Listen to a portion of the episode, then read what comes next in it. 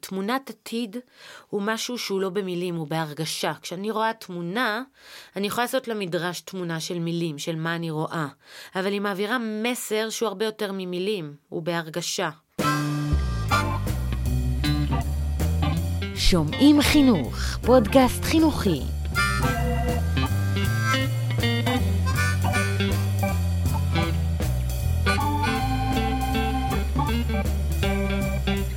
זוכרים ששאלו אתכם, מה אתם רוצים להיות כשתהיו גדולים? יש ממש עכשיו חלום שאתם מתחרטים שלא ניסיתם להגשים? כמורות וכמורים, כבני אדם? זוכרים את הפעם האחרונה שתלמיד סיפר לכם מה החלום שלו? האם אנחנו, כמורות וכמורים, יכולים לעזור לתלמידים שלנו לחלום? ננסה לשכנע אתכם היום שלגרום לילדים לחלום ולהגשים חלומות זה לא רק רומנטיקה חינוכית. ללוות את התלמידים בתהליך של עיצוב החלומות שלהם. למצוא אצלם את החוזקות שיקרבו אותם לחלום. להיות שם כשהם נכשלים בדרך, וגם לפעמים לעזור להם להגשים את החלומות בעצמם. כל אלו הם תהליך משמעותי של בניית תמונת עתיד, שמלבד היותה גורם מוטיבציה ומסוגלות אצל הילדים, היא מעשה חינוכי ראוי לכשעצמו. נפגוש כאן היום שני אנשי חינוך מיוחדים, את נוגה בן יעקב ואת אלי מאירי, שהמעשה החינוכי שלהם ביום-יום מערב באופן עמוק בניית תמונת עתיד. אלי מאירי. ייסד וניהל את בית ספר ברנקו וייס לנוער בסיכון ברמת הגולן. אחריו ניהל את אורט במעלה, בית ספר שש-שנתי בטבריה. חינוך לתמונת עתיד היה אולי אחד הנושאים שאלי הוביל בכל שנותיו החינוכיות ובכל מעשה חינוכי שהוא עשה, ובגלל זה הזמנו אותו לפה היום. אלי, שלום, מה שלומך? טוב, תודה. אלי, ספר לנו מילה על עצמך. מילה על עצמי, אז uh, גדלתי בטבריה, בשכונה. השכונה לימדה אותי לאלתר, לשרוד, להיות יצירתי, להיות יזם. מאוחר יותר הפכתי להיות ספורטאי אה, קיאקי מקצועי, וזה השלים לי את החלק השני של עקביות, התמדה, הישגיות, וכל הילדות בכלל אה, והנעורים עשו לי טוב, ממש ממש טוב. איפשהו בגיל 17, הלימודים בתיכון היו מאוד קשים, כי זה היה תיכון, אה, הייתי מחזור ראשון של התיכון, שאחרי זה חזרתי לנהל. אורט במעלה. אורט במעלה, והיו מאוד מאוד קשים, והייתה נקודת שבירה שם בגיל 17, שהייתי צריך לעשות בגרות בפיזיקה, ולא הייתה מעבדה, וכל השנה למדנו על מטול שקפים, איך, איך זה נראית מעבדה וכולי, ואז הגיע היום של הבגרות, ובפעם הראשונה בחיינו ראינו מעבדה, ועשינו בגרות בפיזיקה, ויצאנו מהבגרות, ובלי להתבלבל פעמיים נכנסו אנשי החזקה, פירקו את המעבדה ולקחו אותה. וואי. ונכנס לי סכין בלב, ואמרתי, אני חוזר לעשות את זה אחרת. משם יצאתי לצבא, הייתי הרבה שנים uh, קצין, לוחם, uh, ואחרי שמונה שנים בצבא החלטתי שאני חוזר לחלום שלי לחינוך. בחנתי את השדה החינוכי, אשתי וערב, והגעתי למסקנה שבתי ספר זה לא משהו שאני רוצה להתעסק איתו, ובני נוער רגילים ומעלה, זה לא צריכים אותי. אז הלכתי לעבוד עם נוער בסיכון בפנימייה בכפר הירוק, אה, אחרי שנתיים קיבלתי הצעה מאוד מאוד מאוד מפתה לעבור uh, ליד הבית לבית ספר שאח, uh, שזה עתה הוקם ברמת הגולן, בית ספר לנוער בסיכון, רשת ברנקו וייס, עברתי ואחרי יומיים קיבלתי הצעה לנהל אותו. באיזה גיל? בגיל 28, מבלי שלימדתי יום אחד בחיי, היה מאתגר. אבל uh, בהחלט אחד הדברים שאני הכי גאה בהם, ליצור משהו מאפס, בית ספר מאפס, זה baby, זה משהו שאני חושב שבכל הדרך החינוכית שלי זה היה אחד הדברים שאני הכי הכי גאה בו. ויותר מזה, הדבר שאני הכי גאה בו זה שזה לא רק בית ספר וללמד ילדים, אלא לייסד מוסד שנותן מענה לפלח שלם של תלמידים שהיה נושר והיה מרגיש שהוא לא ממוצה ו... ולתת בתוך התרבות של רמת הגולן, קצרין, עמק הירדן, להסתכל על הילדים האלה כשווה ערך, כילדים שיכול לצאת מהם משהו ואפילו המון המון דברים טובים. זה הדבר שאני הכי גאה בו, השינוי התרבותי בקהילה. אחרי חמש שנים אה, באמת אה, מוצלחות למדי בברנקו וייס, שוב קיבלתי הצעה על אה, לחזור אה, לנהל את הבית ספר שבו גדלתי, ואני אדם שמאמין שאין מקריות בעולם, אז אה, חזרתי הביתה לאותה חוויה של גיל 17 עם המעבדה שלא הייתה. כן, אז זהו, קיבלתי בית ספר אלף תלמידים, מדע טיפוח לא פשוט, חבר'ה של השכונות, וניהלתי אותו כשש שנים. ובעצם אה, הובלתי אותו ממצב אה, משברי מאוד למצב של אה, בית ספר ניסויי עם תפיסת עולם שמתמקדת בבנייה של תמונת עתיד, עם הצלחות פדגוגיות מאוד מאוד גדולות, עם הרבה יזמות, הרבה חדשנות. אה, אני כן חייב להגיד אה, במילה שכל הידע שאני אולי אדבר עליו פה הוא לא ידע שלי שאני עשיתי וכולי, אני אדבר על נקודת המבט שלי, אבל יש צוות מאוד מאוד גדול ש, שעבד שם, אם זו עונה תורג'מן מנהלת חטיבת הביניים, וויקי מזרחי שהובילה את הבנייה ואת המיפוי של זה, ומרתה פורט שליוותה אותנו, ו... פרופסור גלי צינמון מאוניברסיטת תל אביב שהייתה ייעוץ אקדמי, כלומר היה צוות שלם אה, אה, שעבד בעניין הזה ממש ממש ופשוט בנה, בנה ממש בנה תורה. של בית ספר, שהסיפור הזה של חינוך לתמונת עתיד הוא חלק מהותי מהאג'נדה. כן, והוא היום אחד מה-15 בתי ספר, הפורצי דרך שמשרד החינוך הגדיר בעניין הזה, יש 15 כאלה על המפה, וזה, הוא אחד מהם. אז אה, בוא נדבר על זה. ספר לנו את התורה. וואו. אז, אה, אז בוא נתחיל רגע בעניין הזה של לחלום. כאילו, אה, הסיפור הזה של לחלום, קודם כל הוא לא דבר שהוא מיועד לתלמידים, הוא מיועד לכל אדם. בעצם בן אדם, הרבה מאוד אנשים שהגיעו למקומות מאוד מאוד רחוקים, החל מאבותינו בספר בראשית וכלה בהרבה מאוד מנהיגים, זה התחיל מחלום. וללמד ילדים לחלום וללמד אנשים לחלום, זה הדבר שאולי הכי קל. ולא צריך בשבילו לא מיליונים ולא מיליארדים, פשוט צריך אה, לחיות את ההוויה הזאת של לחיות את החלום. אז... אתה אומר לא כאינסטרומנט שאחרי זה יוכלו, נוכל להכין את התלמידים יותר טוב לבגרות, כי נשכנע אותם שכדי להגיע לחלום שלהם הם יוציאו ציון טוב. אתה אומר זה מטרה לכשעצמה. אם החלום שלו זה בגרות, ושוב, עבדתי עם הרבה נוער בסיכון, שהחלום שלהם היה בגרות, לא כי התעודת בגרות היא משהו, אלא כי התעודת בגרות היה בשבילם האמירה, אני נורמלי, אני כמו כולם. ולכן זה היה חלום שלהם, אז אני זורם איתו, אין לי בעיה. אבל בתוך הסיפור של החלום, כאילו מהחלום לתמונת עתיד, מה בין חלום לתמונת עתיד? אז תמונת עתיד היא טיפה יותר מוחשית.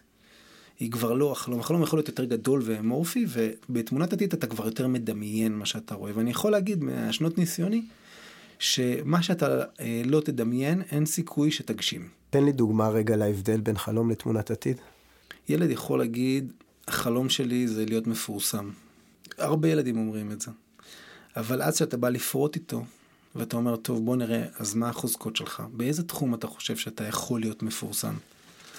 איזה הזדמנויות יש בסביבה שלך שיכולות להוביל אותך? וכן, תכף נדבר על זה. ואז הוא אומר לך, תראה, נראה לי שאני יכול להיות שחקן כדורגל מצוין, אז זה כבר תמונת עתיד. כלומר, החלום שלו זה להיות מפורסם.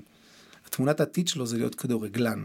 דרך הכדורגל הוא יהיה שחקן בנבחרת ישראל, במכבי חיפה וכן הלאה, זה הסיפור. כלומר, החלום הוא משהו גדול, יכול להיות יותר אמורפי.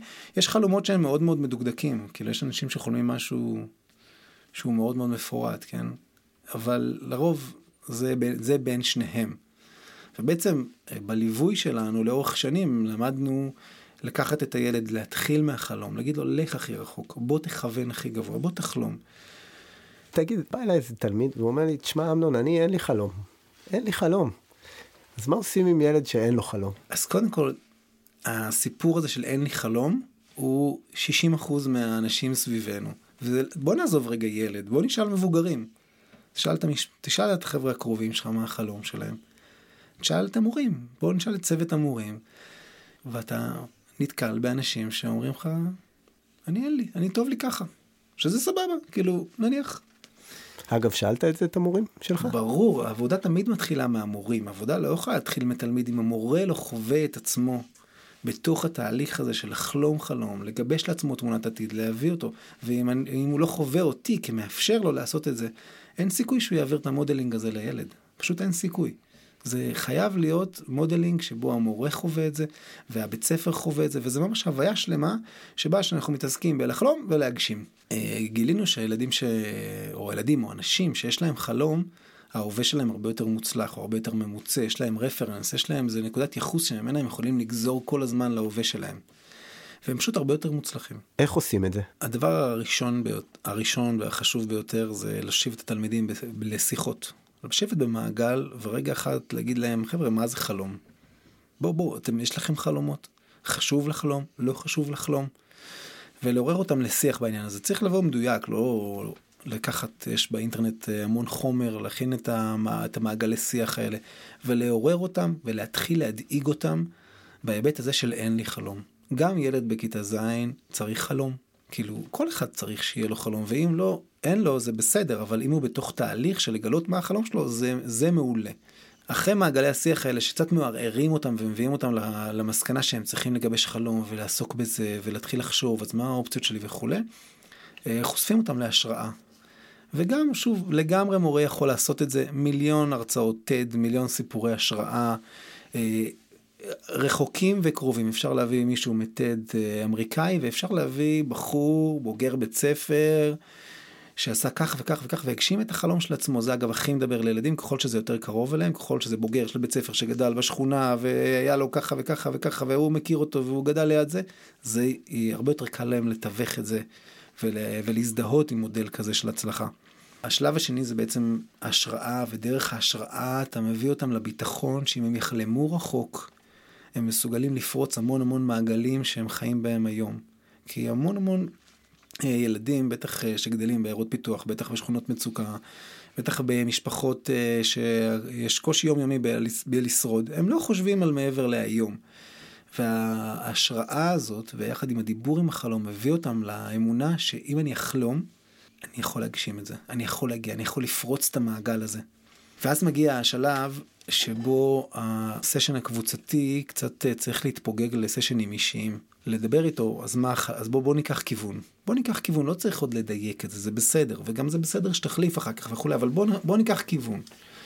בשיחה ו- אישית. בשיחה אישית, כן.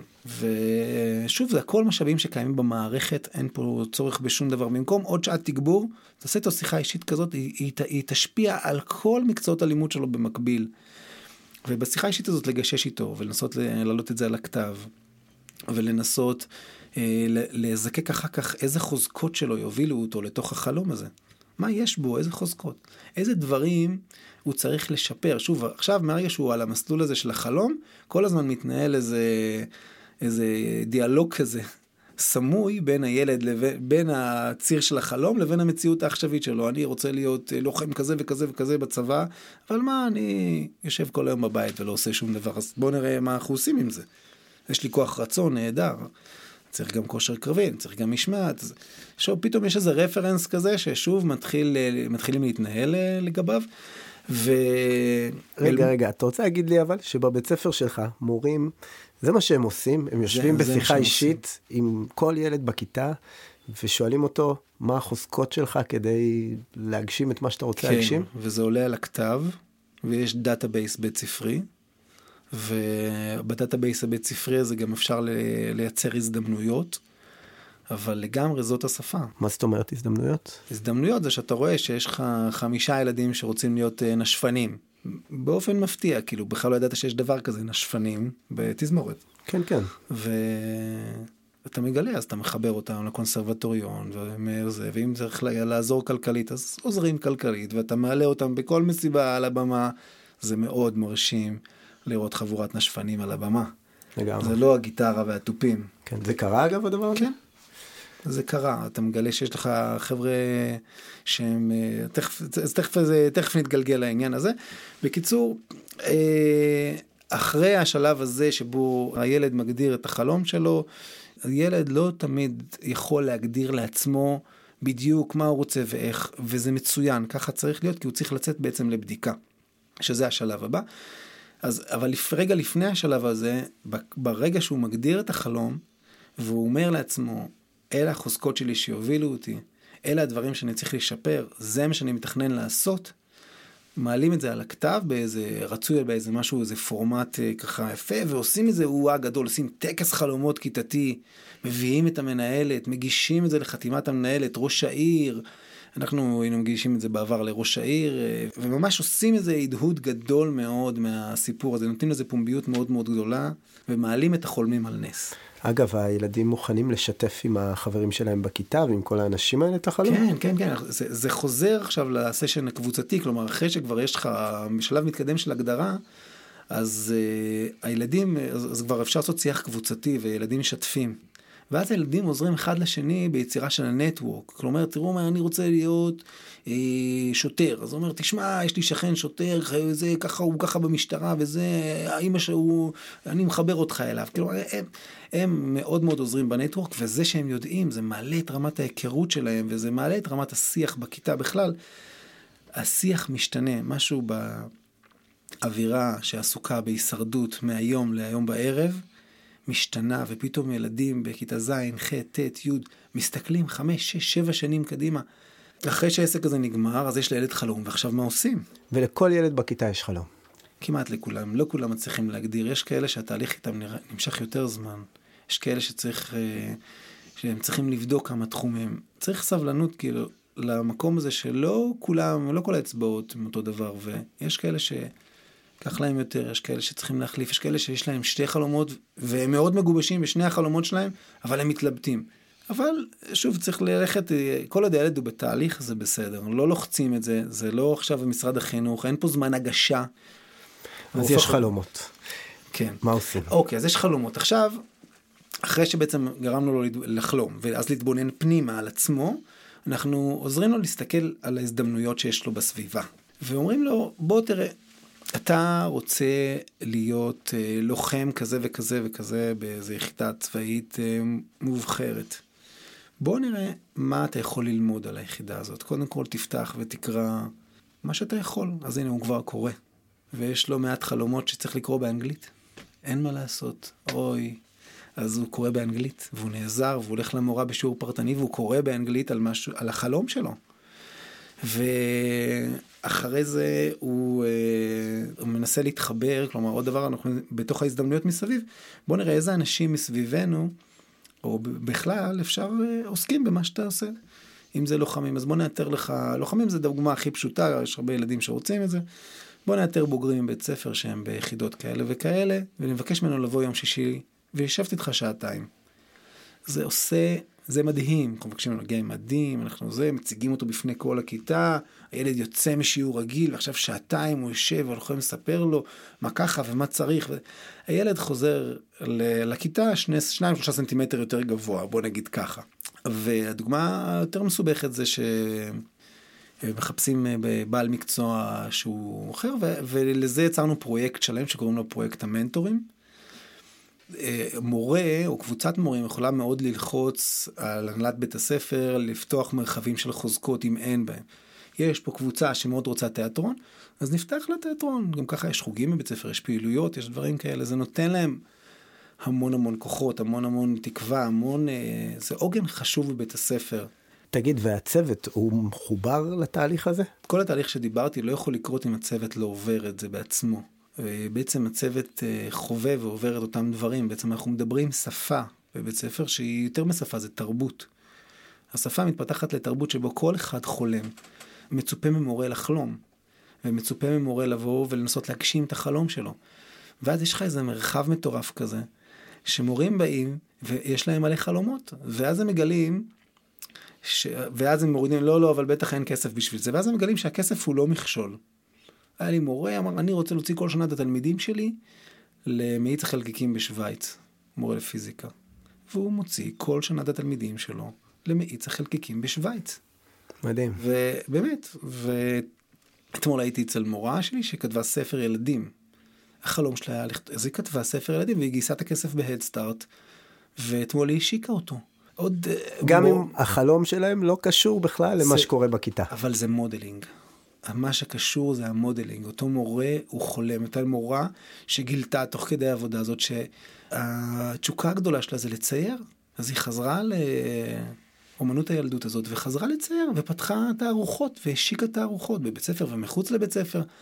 אבל זה, זה, אחד זה המודלינג מטורף ושתיים, אדם, לא משנה אם הוא מורה, אם הוא... תכף נדבר, זה גם אנשי המינהל, זה לא רק המורים, כן? נתן לי לבורנטית, אומרת, אני החלום שלי זה להוביל מסעות לפולין. הייתי צריך לנהל מלחמת עולם כדי שאותה לבורנטית תצא כמובילת מסעות. היום היא מובילת משלחות רשמית, והיא מסיימת את התואר הראשון שלה בעקבות זה. היא הלכה ללמוד תואר ראשון בעקבות זה שהיא הגיעה לפולין, היא ראתה אומרת, אני בורה, אני לא יודעת. זה משנה את כל האטמוספירה, ובעצם, וכשזאת התרבות, שאתה חולם ומגשים ואתה מבין שאתה, את הדרך לעשות את זה, אז המשימות הרגילות האלה, בגרות וזה, זה עובר ליד. זה עובר ליד ו...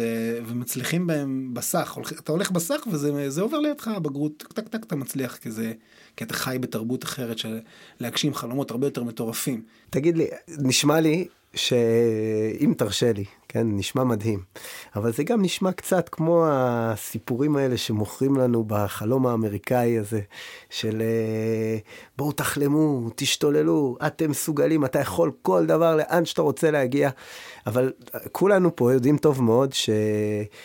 בחלקים ממדינת ישראל, בטח בפריפריה שאתה עובד איתה, לא תמיד כל אחד באמת מגיע לאן שהוא יכול להגיע. אז, אז, אז מה קורה עם הסיפור הזה שילדים לפעמים יכולים, אה, אם אנחנו נעודד אותם לחלום הכי רחוק שהם יכולים להגיע, יכול להיות שלא כולם יגיעו לשם. אז זה כל הזמן שיח שמתנהל, כי הם באים עם זה מהבית. הרי אני אין לי סיכוי, מה הסיכוי שמישהו יסתכל עליי, אני מטבריה, אני משיכ... משיכון ד', מי עכשיו בכלל ישים עליי שאני רוצה עכשיו להתקבל לגיבוש כזה וכזה, זה דיאלוג שכל הזמן קיים, בראש ובראשונה בלב ובראש של הילדים וגם של המבוגרים. וגם זה נכון שיש, לא כולנו מגשימים את כל החלומות שלנו, וגם זה דרך. אבל האופציה השנייה היא לא, אז מה האופציה? לא לחלום? אין אופציה כזאת. לגמרי. ספר לנו סיפור על מורה שרצתה לעשות שינוי עם הסיפור הזה של תמונת עתיד. אני אספר את הסיפור על אה, נעמה נווה, מורה לחינוך מיוחד שקיבלה כיתה קשה. והיא אמרה לי, אלי, אני מבקשת לכיתה שלי תוכנית מיוחדת. אני חייבת להפגיש אותם עם העולם בחוץ. הילדים האלה מסוגרים בעצמם, הם חושבים שהם והשכונה שבה הם גדלים זה העולם. אמרתי לה, סבבה, מצוין, מה את צריכה? אומרת, אני רוצה שעה בשבוע. אמרתי לה, קיבלת? אני רוצה תקציב קטן, 3,000 שקל בשנה, כדי שאני אוכל להביא, רוב האנשים שלי מתנדבים, אבל יש לי קצת הוצאות לשלם לזה ולאחר. אמרתי לה, מעולה. תגיש לי תוכנית, תגידי לי מה המטרה שלך. ורוצי על זה. ובעצם במשך שנה שלמה הפגיש את הכיתה הכי קשה בבית ספר עם אנשים שהם לגמרי לא היו, לא היו פוגשים מעולם. עם בחורה שהלכה שביל ישראל ונתקלה בהמון המון קשיים. היא הפגישה אותם עם אה, אה, אב דרוזי שקול. היא הפגישה אותם עם אנשים שהם לא היו פוגשים מעולם, וראינו שהתוצאות של זה מטורפות. ראינו את הכיתה הזאת פשוט פורחת, את הכיתה הכי קשה בבית ספר. לקראת סוף השנה אמרתי לה, תשמעי נעמה זה ממש ממש מוצלח. אז היא אומרת לי כן, אבל אני עשיתי את זה לא רק בשביל הכיתה שלי, עכשיו אני רוצה שנעשה את זה בשכבה שלמה. ומצאנו דרך להכיר בזה דרך אחד הפרויקטים של משרד החינוך ולקבל על זה שעות. ויצרנו תוכנית שהפכה להיות, אה, אחרי זה, נבחרה על ידי מחוז צפון כתוכנית דגל. היה לה חלום, היא באה, היא לא נרתעה לפנות, לשים את זה על השולחן, לא נרתעה מזה שהכיתה שלה הכי קשה, היא האמינה בזה. וזה דוגמה מעולה על איך אה, מורה יכול לחלום ולא להישאר רק בכיתה שלו, אלא לגרום לשינוי מערכתי בבית ספר. אני באמת מאמין שבן אדם שחי את החלום, שחי את מה שהוא רוצה לעשות, שנמצא במקום הנכון, שעסוק בלהגשים את החלום שלו, ההווה שלו הרבה יותר משמעותי. הוא, הוא מביא ערך לעולם. הוא חש שהוא עצמו, יש לו ערך בעצם זה שהוא נמצא בעולם. ואדם כזה, הוא, הוא על המסלול הנכון. וזה בעצם פסגת החינוך, אם אתה שואל אותי. פסגת החינוך זה לא המספרים האלה בתוך תעודת הבגרות.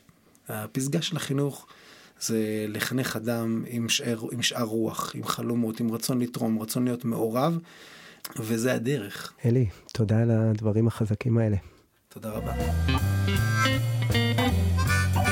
היום נפגוש את נוגה בן יעקב, מורה לגיאוגרפיה, חקלאות ומדעי הסביבה ומחנכת בבית ספר כפר סילבר.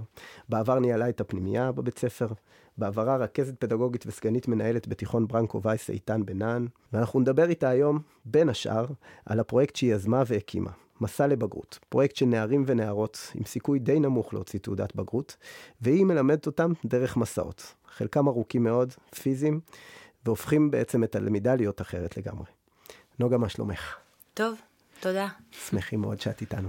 שמחה להימצא. ספרי לנו מילה על עצמך. אני מורה ומחנכת, תמיד חינכתי, וזאת אני, זה הייעוד שלי. זה מה שנועדתי לעשות.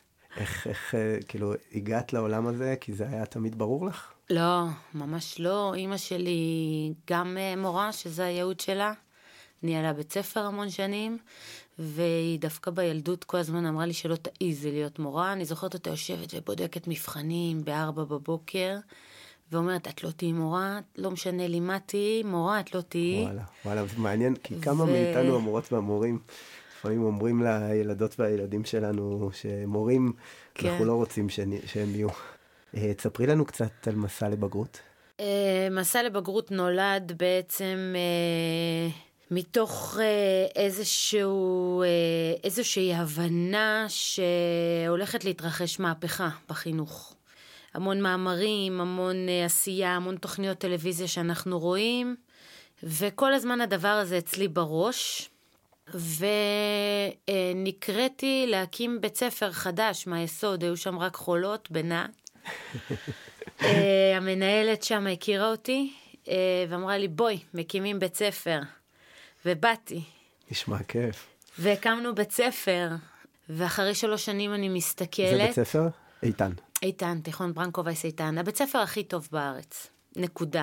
ואני מסתכלת על uh, מעשה ידיי להתפאר, וזה אותו בית ספר, כמו כל הבתי ספר בארץ ובעולם, מאז המאה ה-19, שיעור נראה כמו שיעור. Uh, אין פה איזושהי בשורה, בין היתר באשמתי. ואז uh, בעצם uh, עזבתי, בגלל זה הרגשת שכאילו צריך לעשות משהו אחרת לגמרי? גם הלב שלי תמיד היה עם ה... הוא בית ספר לא מגוון, הוא של המושבים והקיבוצים אה, באזור הזה, שהם חזקים מאוד. כן. הלב שלי הוא תמיד, תמיד, תמיד האמיתי, עם אלה שלא יהיו שם בדיוק. או באינטגרציה. זאת אומרת, גם התוכנית הזאת שלי, בחזון שלה, היא הולכת אה, ללמד ככה את הכי מצטיינים שכבר לא יכולים לסבול את קירות הכיתה. זאת אומרת, זו תוכנית שדווקא מתאימה למנעד אה, מאוד אז רחב. רגע, תכף תמשיכי לספר לי על התוכנית. מעניין אותי, אה, אם מדברים על ייעוד, הרגע הזה שהיית סגנית מנהלת בתיכון מהטובים בארץ, כמו שאת אמרת, והחלטת בעצם שאת עוזבת הכל והולכת לעבוד עם נוער בסיכון ולעבוד עם ילדים ש... ש... שהם כן. אה, ב... ממקום אחר לגמרי. זה ממש אה, רגע שאני יכולה לציין אותו. נסעתי באוטו והתנגן ברדיו השיר של שמולי קראוס. צר היה כל כך, הייתי אז מוכרח לפרוס כנפיים ולעוף. והתחלתי לשיר בפתוס כזה עם הרוח וזה. את לבד. אני לבד, ו... ולאט לאט הכל מתחבר לי, אני חוזרת הביתה ובמקלחת יש את התובנות הכי טובות. וכל הקוביות האלה נופלות, אני יוצאת מהמקלחת, כותבת את כל הרעיון. הוא עבר אחר כך המון שיפוצים, וזה גם תוך כדי ongoing, אנחנו עד היום משפרים. אה, אבל שמה זה נולד, וזהו, ואמרתי למנהלת בסוף השנה שאני מעוניינת, וכולם פרגנו, ועזבתי כיתה שהייתי מחנכת שלה אה, בכיתה י"א, לא עושים דבר כזה. נכון. ולא היה אחד שלא פרגן. הילדים, אני זוכרת שנכנסתי לכיתה, ואמרתי לתלמידים, והיה את השוק הזה, והיו כמה שהם היו ממש אה, תחת הסינר שלי, אפילו בכיתה י"א, והם אמרו, לכי תעשי את זה, לכי תגשימי את זה, אנחנו מאמינים בך.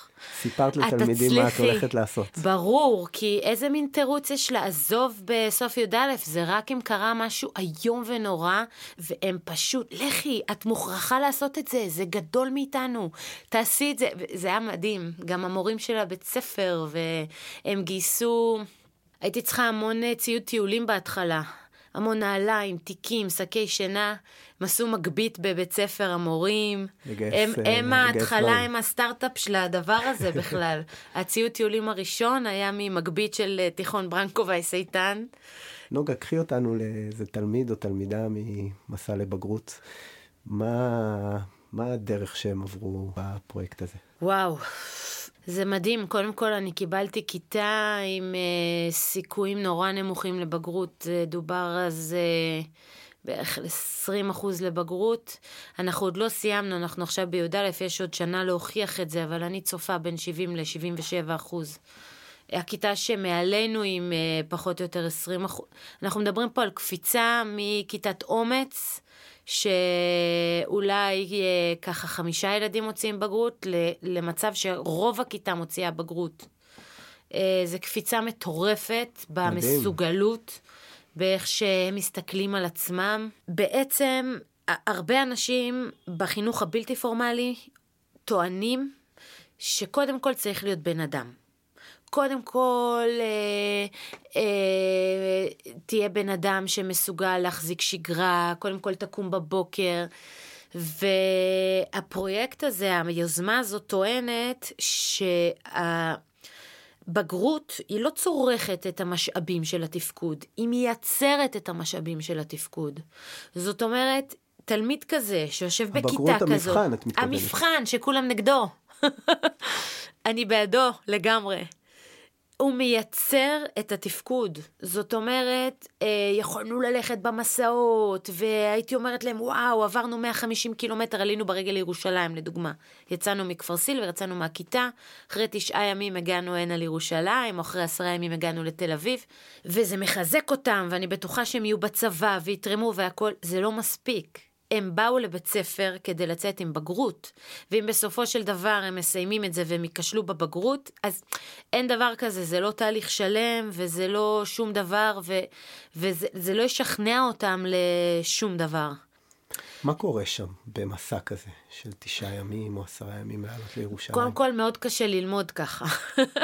אם קשה ללמוד בכיתה, זה מאוד מאוד מאתגר ללמוד בשטח. עברנו תהליך גדול גם עם המורים. זאת אומרת, מורה שעכשיו לימד היסטוריה, לקח את שיעור ההיסטוריה שלו ולימד אותו אותו דבר רק מתחת לעץ, ובמקום שהאירוע ההיסטורי קרה, אוקיי? זה לא זה. שיעור בשטח זה גם לא הדרכה של טיול של שלח. זה משהו אחר לגמרי, זה צריך להיבנות גם בשיטה של אומץ, עם המון תרגול. מלוות אותנו יחידות צבאיות. אתה רואה למשל פלוגת מג"בניקים שמתנדבת. כל מג"בניק לוקח שני תלמידים, והוא עצמו היה תלמיד, אה, הוא, הוא, הם רואים את עצמם, לא סתם בחרנו ביחידת מג"ב, הם ממש אימצו אותנו. יש גם טייסים שבאים איתנו, יש כל מיני. אבל זה הכי עובד עם המג"בניקים. וואלה. כן, והם ביחד שם שוברים את השיניים עם אלתרמן ועם ה... ומה זה השלפי שיבולים האלה עכשיו, וה... וזה מדהים. הם אשכרה לומדים חומר כמו שלומדים בכיתה. מתוכנית הלימודים לבגרות. בטבע. הם לומדים אותו עוד הפעם בטבע. עכשיו, קודם כל, את בעיית הקשב והריכוז זה כן פותר. הבעיה היא שאנחנו הולכים המון כל יום, זה 14, אם התברברנו זה יכול להסתיים ב-21. קילומטר. כן. אה, אני מאמינה בתמונת עתיד שהיא לא במילים, היא במעשים. אה, תסבירי. אתה יכול אה, לייצר לילד תמונת עתיד עם סרטונים של מוטיבציה, עם תוכניות, ואתה יכול לייצר לילד תמונת עתיד שהיא במעשים. למשל, דוגמה אישית, זה תמונת עתיד שהיא במעשה. הוא רוצה להיות כמוך. הוא לא יודע להגיד, הוא יודע שהוא לא רוצה להיות כמו אח שלו, הוא רוצה להיות כמוך. ואם אתה נותן דוגמה אישית מאוד מסוימת, הרבה, אני חושבת שכל התלמידים בכיתה למשל היו בבית שלי. או מכירים את בעלי ואת הילדים ואת מערכת היחסים בינינו. אני לא רוצה שהם יהיו כמוני, הם יכולים לבחור כמו מי הם רוצים, אבל אני רק אומרת שזה מעשה, הוא יוצר את התמונת עתיד, שהם אומרים לעצמם, אני רוצה חיים כאלה. תלמידים שבאים מרקע כזה, בדרך כלל כל החיים גדלים אה, בקבוצת השווים שלהם. זה מתחיל בשכונה. השכונה היא קבוצת השווים שלהם. בבית ספר שמים אותם בכיתה שהיא קבוצת השווים שלהם. הם מקבלים מענה לקבוצת השווים כל הזמן. ולא נופל להם האסימון עד הצבא, איזה פער מטורף יש בין איפה שהם ומה הם צריכים לעשות. נאמר ילד עכשיו רוצה להיות אה, טייס, וזה החלום שלו. הוא יגדל עם זה בראש, אבל אה, כבר ב, בכלל גם לא ישלחו לו את המיונים לזה, הוא לא קולט איזה פער יש בינו לבין תלמיד בהרצליה פיתוח, ש...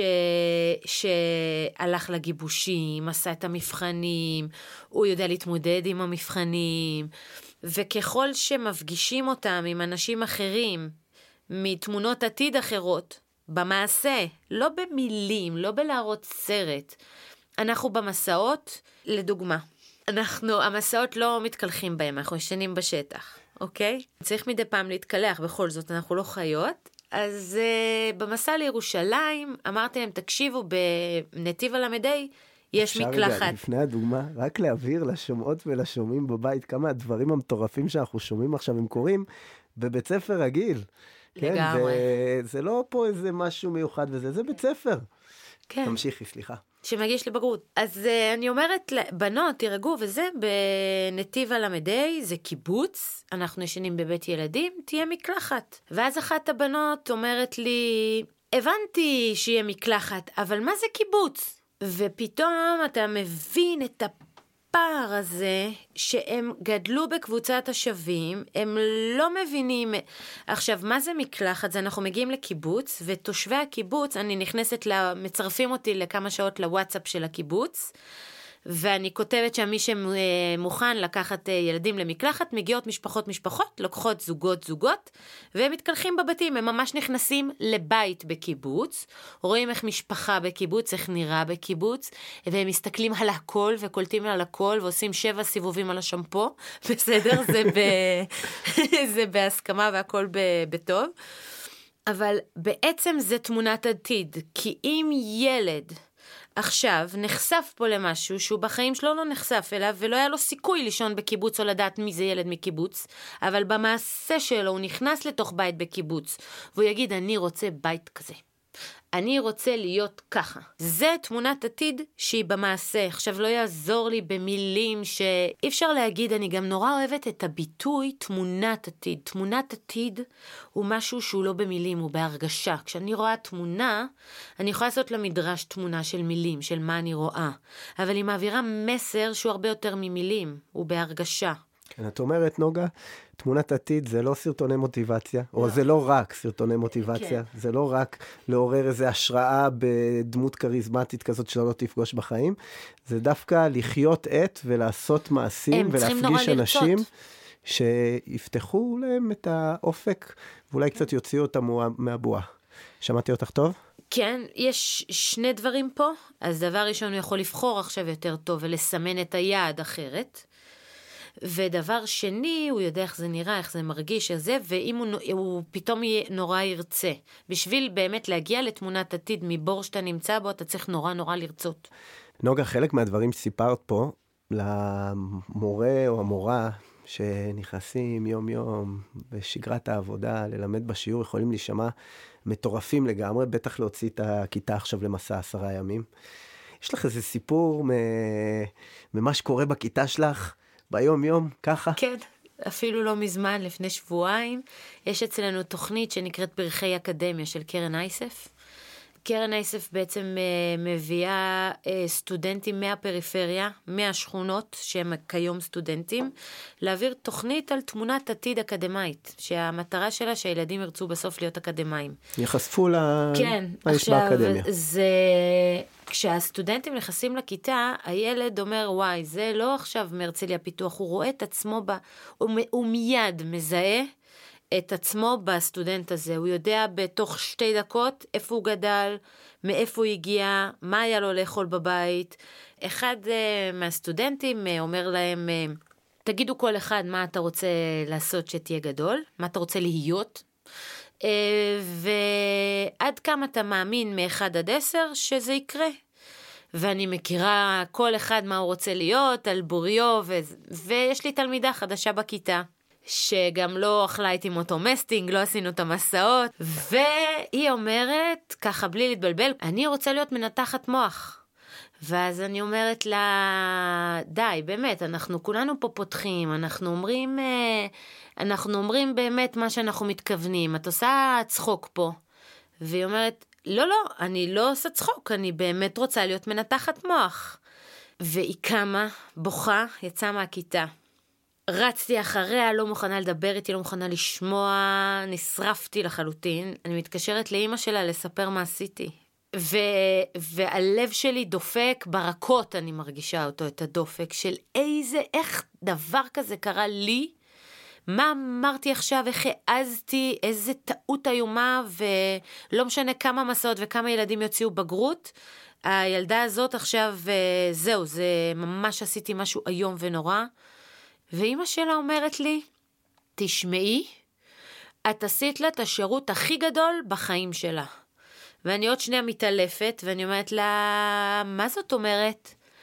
ואז היא אומרת לי, היא קודם כל רוצה להיות מנתחת מוח. היא אומרת לנו את זה מגיל צעיר, ולנו אין את האומץ להראות לה כמה היא רחוקה מזה.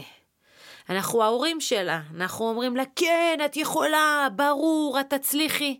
ואין לה שמץ של מושג שהיא צריכה בשביל זה חמש מתמטיקה, חמש אנגלית, היא לא יכולה לצאת כל רבע שעה להפסקת סיגריה, ניתוחי מוח זה שש שעות, שבע שעות במוח של בן אדם. ואת שיקפת לה פה משהו בתמימות, אני לא כועסת עלייך, תמצאי את הדרך אליה חזרה, היא, שלח, היא שלחה אותי. זה לא שאמרת לה, את לא יכולה, שום דבר לא יצא ממך, היא הרגיעה אותי מאוד. היא אמרה לי, זה לא, אני, אני כל כך נבהלתי מעצמי, זה לקח איזה שבוע, ובסוף היא הצליחה לשבת איתי לשיחה כנה ואמיתית, שממנה בנ... בנינו תוכנית של אוקיי, מנתחת מוח, אני איתך עד הסוף, אז בואי. בואי, בואי, צריך לעלות הקבצה במתמטיקה, תפחיתי את כמות הסיגריות, אה, תתחילי להיות מרוכזת יותר זמן, תעבדי על הריכוז שלך, את יכולה, אני, עשינו תוכנית של מה זה דורש, נכנסנו, ראינו איפה לומדים את זה, מה הדרישות קבלה. ואז היא אמרה לי, אז אני שמחה שכל זה קרה, כי זה פעם ראשונה שיושבים, פעם ראשונה שאני רואה מה הדרישות קבלה. אם נצא מפה לכלי של מורה בכיתה, יש כאן בעצם כמה דברים. כששואלים ילדים מה החלום שלך, מה אתה רוצה להיות שתהיה גדול, הם כמעט תמיד אומרים מפורסם או עשיר. זה לא תמונת עתיד. אגב, אנקדוטה, עשיתי את זה באחת מכיתות ח' ביום שלפני חנוכה. אוקיי. את יודעת כמה ילדים כתבו אני רוצה להיות מפורסם? אוקיי, או שהם כותבים עשיר. 70 אחוז. עשיר דווקא לא כתבו לי, כתבו לי, היו לי שלוש דוגמניות, אחד, עורך דין אחד. כן. וכמעט כל השאר כתבו לי שהם רוצים להיות מפורסמים. אוקיי, אז אין שום בעיה. כשאני עושה את התרגיל הזה, אין עשיר ואין מפורסם, אני מסבירה להם גם למה זה לא תמונת עתיד. עשיר, אין בעיה איך, איך עשיר, עם מה, עם איזה מקצוע, פת... מה אתה מתכוון, מה אתה מתכנן, וגם מפורסם אין בעיה איתו, אבל עם מה, על ידי מה, שירה, ריקוד, אתה צריך להיות איזשהו extraordinaire במשהו, אבל מהו אותו המשהו, מפורסם זה לא תמונת עתיד.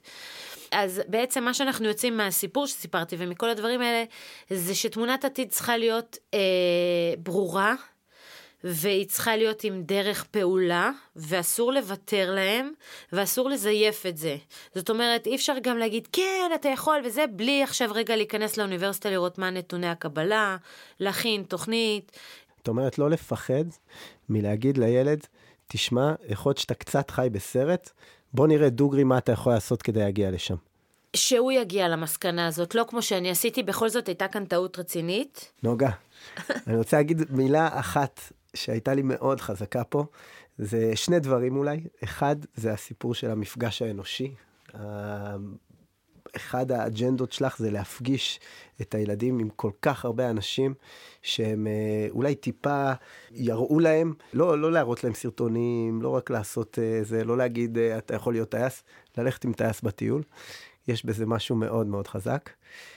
ושתיים, זה שמתוך הדברים החזקים שאת אומרת פה, נשמע שהקשר שלך איתם הוא קשר שעסוק מאוד גם בשאלה הזאת של תמונת עתיד, אבל גם בנייה של המסוגלות הזאת ללכת, לראות בכלל מה הם רוצים לעשות כשהם uh, יהיו גדולים, כמו שאנחנו אוהבים לשאול, אבל גם לתת להם כלים כדי לצעוד בדרך הזאת. היה כיף מאוד לדבר איתך, נוגה. תודה. תודה שהיית איתנו. חוץ מזה שנוגה ואלי החזירו אותי הביתה למקלחת, לחלום בה את החלומות הפדגוגיים שלי, לשמוע פה את הסיפורים של נוגה ואלי על הילדים והמורים שהם עבדו איתם, הזכיר לי קצת מחדש למה באנו להיות מורים. אנחנו שומעים חינוך. מבית קרן טראמפ, הגיע זמן חינוך, בית המחנכים ומנהל חינוך ירושלים. מתחילים עונה שנייה, נתראה בפרק הבא.